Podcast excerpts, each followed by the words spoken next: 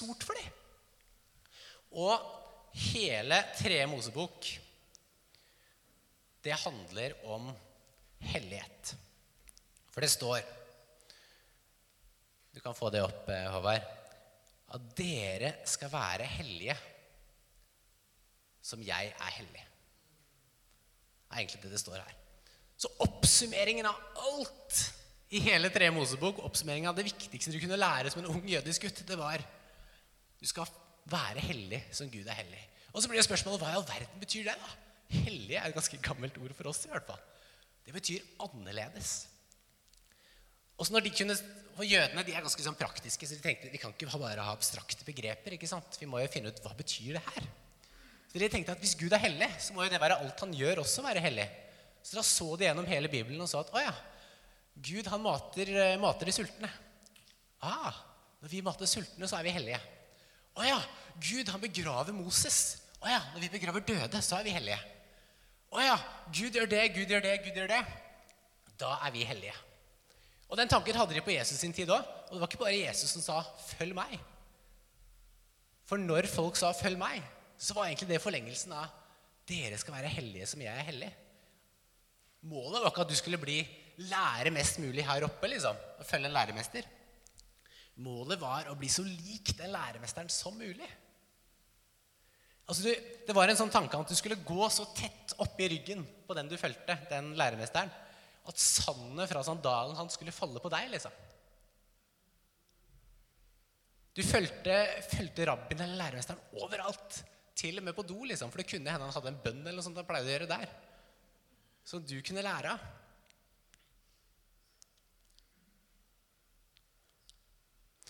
Og ofte når vi tenker følge, å følge noen, så tenker vi fort på sosiale medier. gjør vi ikke det? Altså, at Vi skal bare følge med på følge med på hva Linnea gjør, liksom. Det er det det handler om. Det er det vi tenker når vi tenker følge noen. Men det er ganske stor forskjell hvis jeg skal følge med på Jakob Ingebrigtsen og hvis jeg skal begynne å løpe etter. Følge etter. Det er ganske stor forskjell. På 5000 meter i hvert fall, så er jeg halvveis når han er ferdig. Jeg vet ikke åssen det er med deg, men eh, jeg tror ingen av oss klarer å følge etter han sånn sett. Poenget er å følge etter og bli lik den du følger. Så når disiplene da hører Jesus si 'følg meg', vet du hva de hører da? Det de hører, er at 'oi, Jesus han tror at jeg kan bli akkurat som han'. Altså, han ser, han ser mer i meg enn jeg ser i meg sjøl. Det gjør noe med noen når noen ser mer i deg enn det du ser i deg sjøl. For det ble gjort en studie på 90-tallet på en skole i California. De tok et helt eh, svært klassetrinn, ofte større skoler i USA, og så kjørte de en intelligenstest på hele gjengen. Eh, og så på en måte, Det de gjorde, var at de trakk lodd Det sa de ikke noen, da. De trakk lodd om alle disse.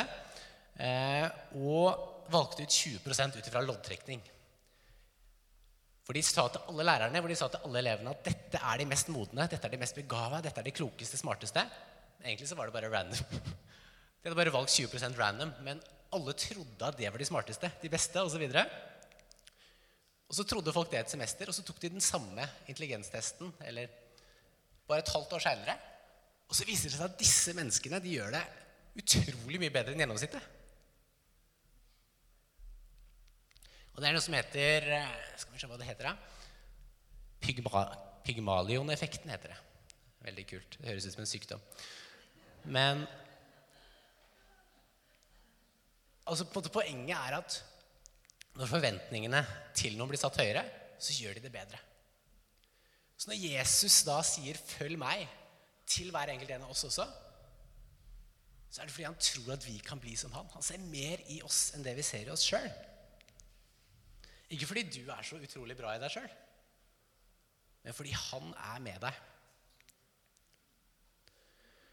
Og så har man, Hvis du har vært i kirka noen ganger, så har du sikkert hørt den tanken What would Jesus do? Eller hva ville Jesus gjort? Det å tenke litt sånn. Du kommer opp i en eh, litt sånn pressa situasjon, og så tenker du Hva ville Jesus gjort i denne situasjonen? Og Jeg er egentlig veldig glad i den tanken, men så er jeg også litt sånn Jeg liker den ikke helt. Fordi vi bruker den ofte kun om at når vi er i pressede situasjoner, så tenker vi hva ville Jesus gjort? Uten at vi ser på hva er det Jesus faktisk gjorde, hva slags vaner hadde han, som gjorde at når han kom opp i situasjoner, så kunne han handle ganske sånn instinktivt og ganske direkte. Og så glemmer vi litt det, liksom. For det vi gjør, det vil alltid komme som en naturlig følge av den vi er. Og det vi gjør over tid, det tror jeg også former oss over tid. Og så er ikke meninga mi nå å gi dere enda mer dårlig samvittighet og si enda mer av hva dere burde gjøre, som dere ikke gjør allerede. Eller at vi skal komme med en sånn der kristen form for selvrealisering, hvor du skal bli den beste versjonen av deg sjøl. Som og ville sagt. Det er ikke det det handler om. Det handler om at vi får lov til å være sammen med Jesus. Og når vi er sammen med Jesus, så blir vi forma til å ligne på ham. Ikke som noen sånne dårlige nyttårsforsetter som varer i to uker. For sannheten er jo egentlig at ingen av oss faktisk klarer å følge Jesus. Det har vi ikke i oss sjøl. Det handler om hvordan er det jeg kan la mitt liv formes for den kommende verden. Så spørsmålet er hvilke sånn formende praksiser og vaner kan jeg ha som forbereder meg til å leve i Guds nærvær i all evighet. En som heter Thomas Sjødin, han sier det at det er først når man gjør noe, at man, at man forstår hvorfor man burde gjøre det. Det er først når du begynner å si trener, da, det er et klassisk eksempel, at du skjønner at oi, dette var egentlig bra for meg. Kanskje ikke du kjenner det første gangen etter at du har stølt, men, eh, men det er når man gjør noe, at man virkelig skjønner hvorfor man burde gjøre det. For tro det handler ikke primært om hodet vårt, eller at vi skal tenke oss til en ny måte å leve på. Jeg tror Det som er enda mer sant, er at vi først og fremst lever oss til en ny måte å tenke på. Det vi gjør, er mye viktigere enn hva vi tenker. For det vi gjør, former hva vi tenker, i mye større grad. Og Derfor kommer jeg til å snakke om noen sånne praksiser. Det fins en haug av praksiser og vaner og ting som kan forme oss og bli mer lik Jesus. Men jeg har valgt ut fem-seks stykker. Den første det er å lese Bibelen. Og det er ofte kobla til litt sånn dårlige erfaringer for veldig mange. Enda en fiasko, liksom. Du tenker at åh, nå skal, jeg, nå skal jeg begynne å lese Bibelen. Nå skal jeg begynne å få det skikkelig til. Og så på en måte tenker du ja, jeg går på, og så holder det i to dager. Liksom, og så bare orker du ikke mer. eller... Og noen ville sikkert gjerne betalt Trond for at han skulle lese Bibelen for deg. Liksom, og så kan du heller høre på hva han sier. Det kan kanskje være lettere for, for noen, noen ganger. Men så står det i Romerne 15, vers 4. Og alt som før er skrevet, er skrevet for at vi skal lære av det. Vi skal ha håp gjennom den tålmodighet og trøst som Skriftene gir. For det er ganske sånn vanskelig å følge Jesus og finne ut hva det vil si hvis vi ikke leser hva Jesus sa. Vi tror at det her er Guds ord. Og når vi leser Guds ord, så tror jeg vi også formes av det over tid. Det er ikke sikkert at du merker forskjell hvis du leser Bibelen en kveld, at du merker stor forskjell i morgen. Men at over tid så tror jeg vi kan merke en forskjell. Og så blir det ofte en litt sånn skippertak-greie, og jeg er litt sånn jeg studerer i tillegg til å jobbe her og er en skikkelig skippertaksstudent. Det eh, det er min greie. De siste sånn, tre dagene før eksamen da er jeg skikkelig god på å studere. Eh, men det, det, som skjer da, er at jeg, jeg, kan det jo på eksamen. Men jeg kan det jo ikke to uker seinere. Og litt sånn tror jeg det kan være med bibellesing òg. Hvis vi bare tenker at åh, nå skal jeg bare ta igjen for de siste tre ukene jeg ikke har lest i Bibelen. Og så leser du i to timer, og så bare du husker jo ingenting etterpå. Men det å ha noen vaner Og jeg har lyst til å utfordre deg til å rett og slett sette opp et mål som du nesten liksom skammer deg over. Nei, går det an å lese så lite i Bibelen?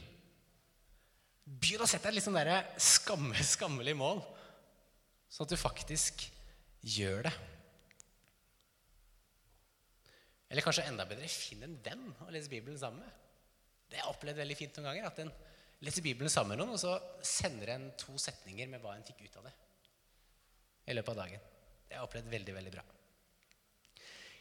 Praksis nummer to, det er bønn. Altså det å være sammen med å bruke tid med Jesus.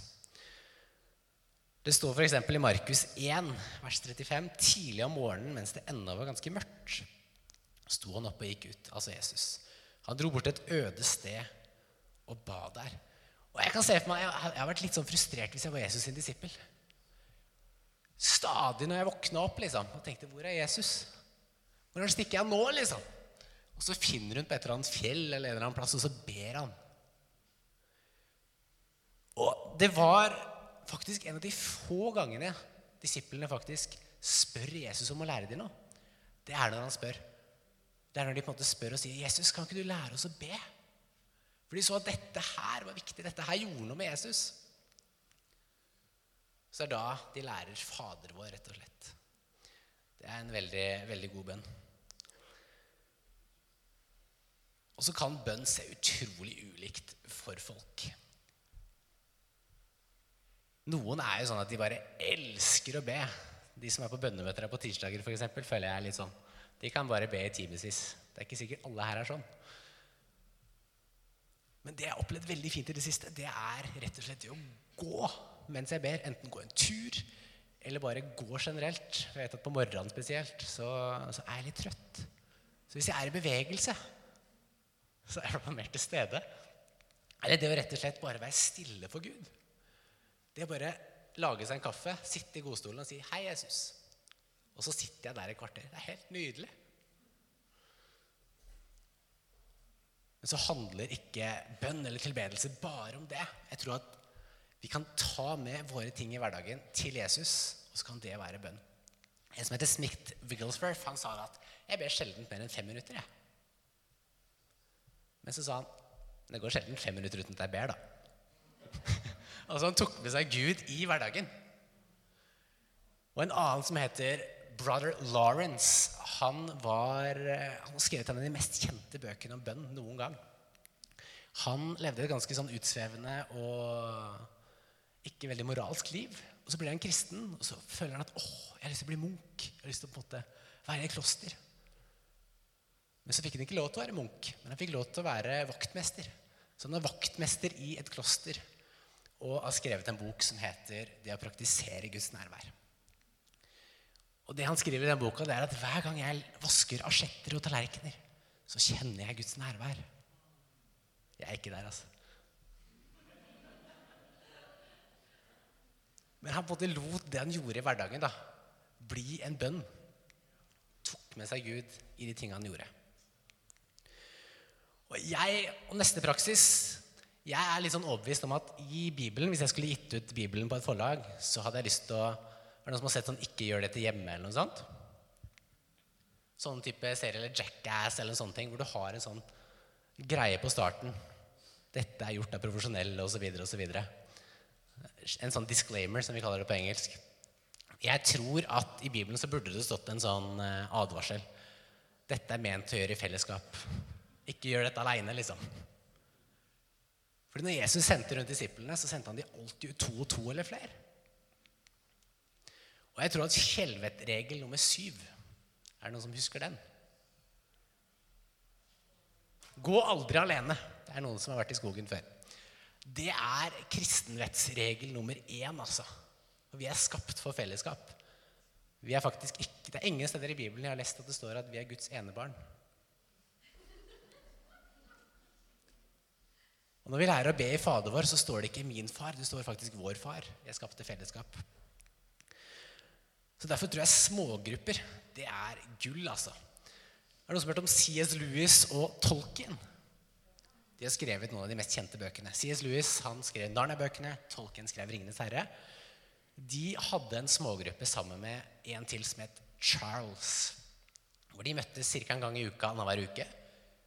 De hadde egentlig bokklubb. Det var mer en bokklubb, egentlig. Men det som skjedde var at de holdt på der så mange år, og etter hvert så dør Charles. Og da sier C.S. Lewis det at jeg kommer aldri til å kjenne tolken på samme måte lenger. Jeg kommer aldri til å se ham på samme måte. Fordi det var sider ved tolken, eller Ronald som han het, som kun Charles fikk fram. Så jeg kommer aldri til å se han eller erfare tolken på samme måte.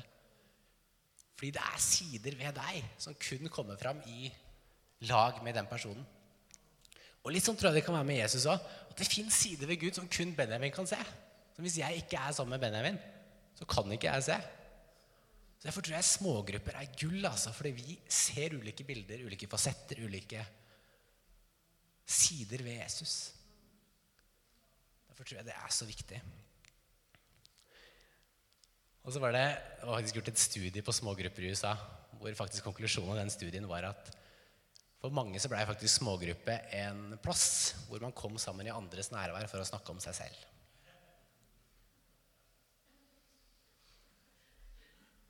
Det er ikke det som er poenget. Det er ikke det som er poenget. Vi får lov til å samles sammen rundt Guds ord. Samles rundt bordet. For det var det de første kristne gjorde hele tiden. De spiste sammen, de var sammen og delte fellesskap og tro. Kjell Magne Bondevik han var statsminister i Norge i en del år. Og jeg hørte han snakke om smågrupper en gang. Og han sa det at det første han setter i kalenderen hver januar, det er alle datoene for smågruppa. Bibelgruppa han har. Så det er klart, det Han setter inn det før han setter inn møter med statsledere og presidenter osv. Så, videre, så setter han inn smågruppesamlingene. Det setter han inn i kalenderen først. Jeg vet ikke om eh, vi gjør det helt på samme måte alltid, men det viser noe om hvor mye det betyr. da. Og Jesus han var veldig bevisst på å samle noen få til å investere i og bruke tid med dem. Og nummer fire det er gudstjeneste. Det å komme sammen. Jeg tror det er så gull å komme sammen en gang i uka og samles rundt en annen fortelling. En, en annen, et annet bilde av hvordan verden bør og skal og kommer til å bli, enn det vi bombarderes med hele uka. Fordi vi formes av det samfunnet vi lever i. Og Derfor tror jeg at det å av og til komme ut og se ting fra en litt annen vinkel, fra et litt annet perspektiv, det tror jeg er viktig. altså. Og så er det ikke sånn at jeg er kristen fordi jeg går på en gudstjeneste.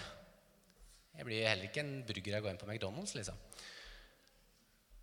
Men jeg går på gudstjeneste fordi jeg er kristen. Og det blir faktisk sagt det i Anonyme alkoholikere at halve jobben er faktisk å møte opp. Det tror jeg vi kan si, si om gudstjenesten noen ganger. For det å komme sammen, det tror jeg former oss altså, til å bli mer lik Jesus. Og så var det også en av de vanene Jesus hadde. Det står i Lukas 4, 16. Han kom også til Nasaret, hvor han var vokst opp. Og på sabbaten gikk han inn i synagogen, eller kirka, slik han pleide. Da reiste han seg for å lese.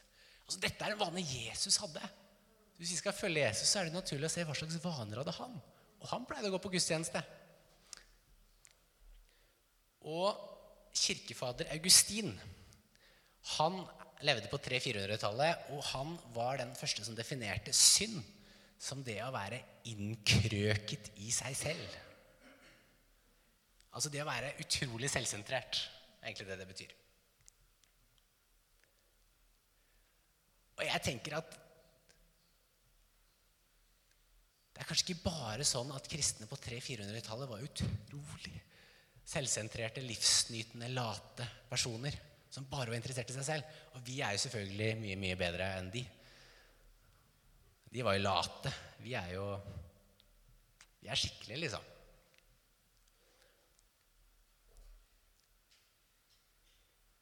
Og så kan man jo tenke at Men hva om, eh, hva om praksiser? Om det ikke føles riktig for meg, eller om det ikke føles helt naturlig? Jeg tror at du faktisk kan trene deg opp på å gjøre valg som går på tross av din natur og på dine impulser.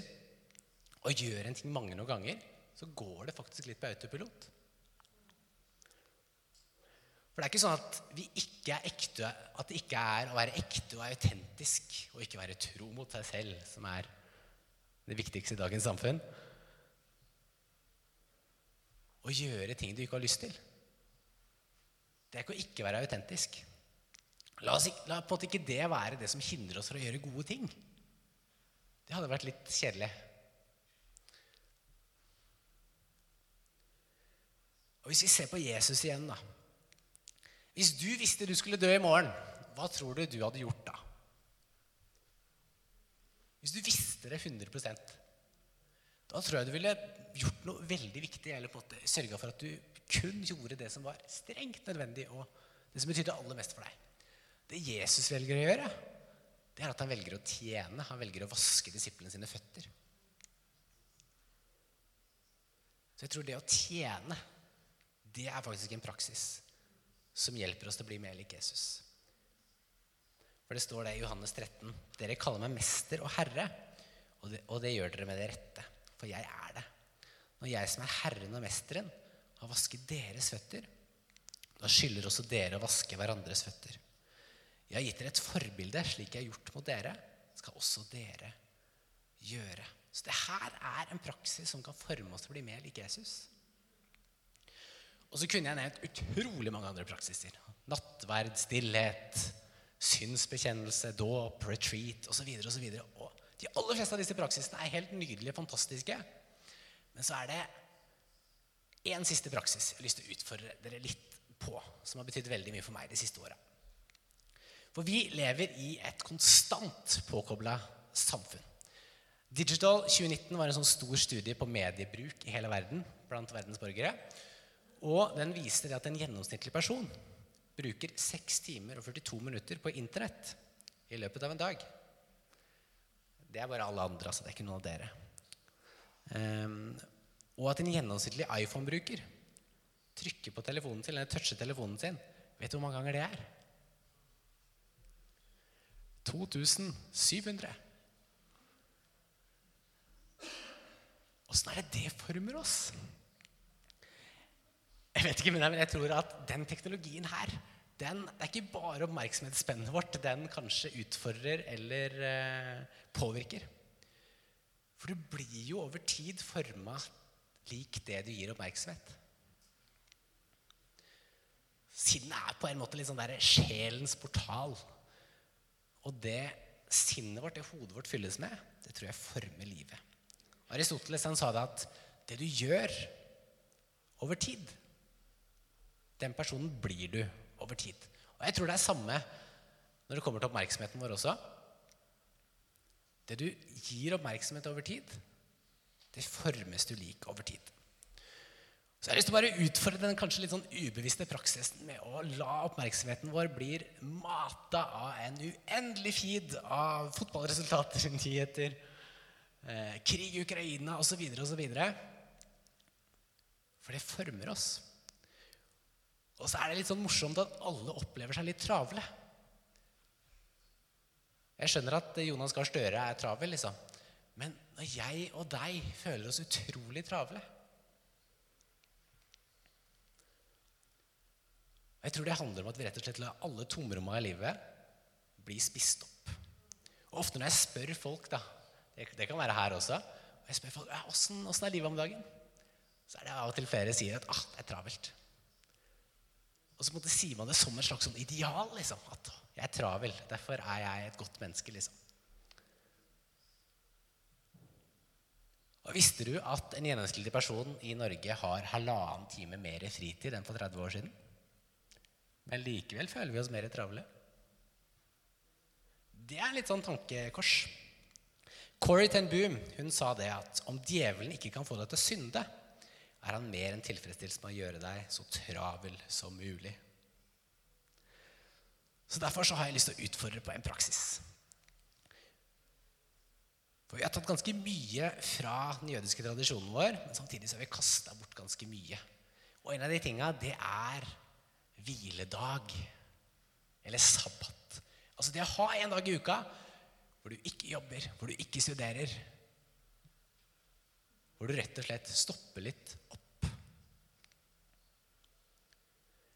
Og Visste du f.eks. at den første dagen mennesket var på jorda, så var det hviledag? Ikke fordi de var så utrolig slitne, men fordi det var en god ting for dem. Det var en rytme Gud satt i skaperverket.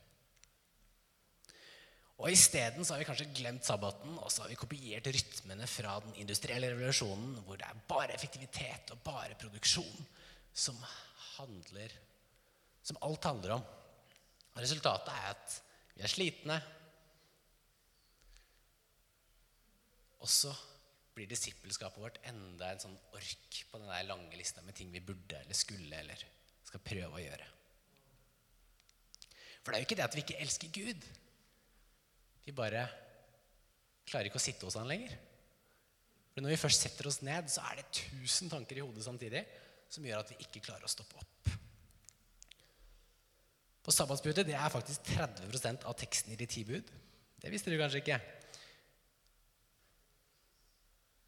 Og hvis en tar det her inn, så jobber en fra hvile og ikke for hvile. For det er en grunn til at rytmen hjelper oss i musikken. For hvis, hvis ikke det var noen instrumenter og det bare var a cappella, så hadde det vært litt vanskeligere for oss å henge oss på. Er du ikke enig? Jeg tar det som et ja. Og så kan du kanskje si det at Men Henrik, da er vi ikke fri fra loven, da? Hvorfor skal vi absolutt ha et av de ti bud? eller på en måte? Er ikke sabbat litt sånn lovisk? Vi er faktisk fri fra loven, men vi er ikke helt fri fra livet. Vi trenger faktisk noen marger i livet, så Gud kan tale til oss. En som heter Walter Bryggemann, han sier at sabbat er en aktiv motstandsholdning. Altså Det handler om å kjempe mot produksjonskravet og effektivitetskulturen. Og så er det ikke bare hviledag, for hvis jeg ikke er sliten, så trenger jeg det ikke. da. Det handler om fravær av arbeid, men Eugene Peterson han sier at sabbat det handler om pray and play. Altså det å be, sette fokuset på Jesus, men også det å koble av, det å slappe av, det å ha det kjekt. Og Det tror jeg vi trenger i livet.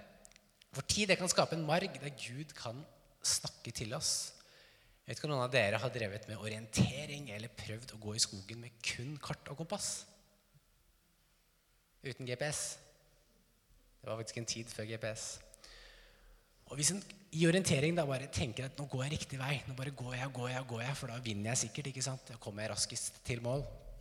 Eller hvis du går på tur i skogen med kart og kompass, og du bare går og går og går, det bare går så fort som mulig, uten å stoppe på å se om går jeg faktisk i riktig, riktig retning, da kan du få deg et sjokk.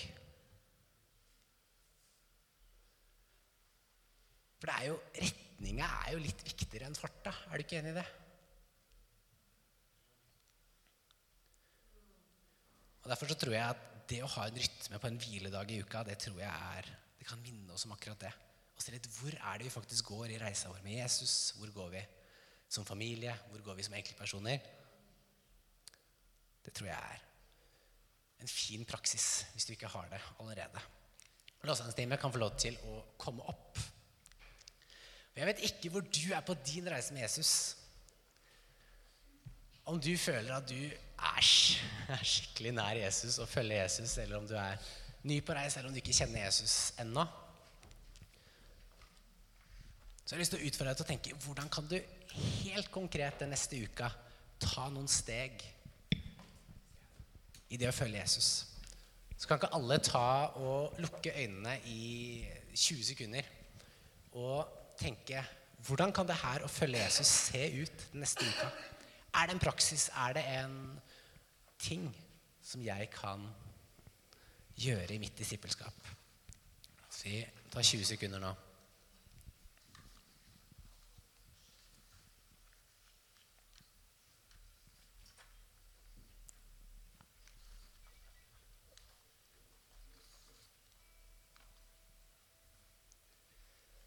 John Dickens han er kjent fordi han eh, fikk en kjempeidé en gang. Han tenker at 'jeg har lyst til å lære meg en Beethoven-symfoni på cello'. Problemet var bare at han aldri hadde spilt cello før. Så det han tenkte han gjorde, det var at han rett og slett leide en svær konserthall. Inviterte alle han kjente, to uker fra den dagen han fikk ideen. Og så prøvde han iherdig å lære seg denne symfonien. Og så kom konserten. Du kan si at den konserten var ganske prega av hans begrensninger. Cello kan høres ganske, ganske fint ut, og så kan det høres ikke så fint ut. Og når vi skal følge Jesus, så kan det være ganske prega av våre begrensninger. Vi får det ikke helt til. Det kan være litt sånn som å danse i gummistøvler. Det ser litt klønete ut. Men det det handler om, er at vi kobler oss på Jesus. Det å være sammen med Jesus, det å bli hos Jesus. Og det handler om at hans nåde er det som gjør noe i oss. Paulus sier det at det er ved Guds nåde at jeg er den jeg er. Det er ingenting vi kan legge til.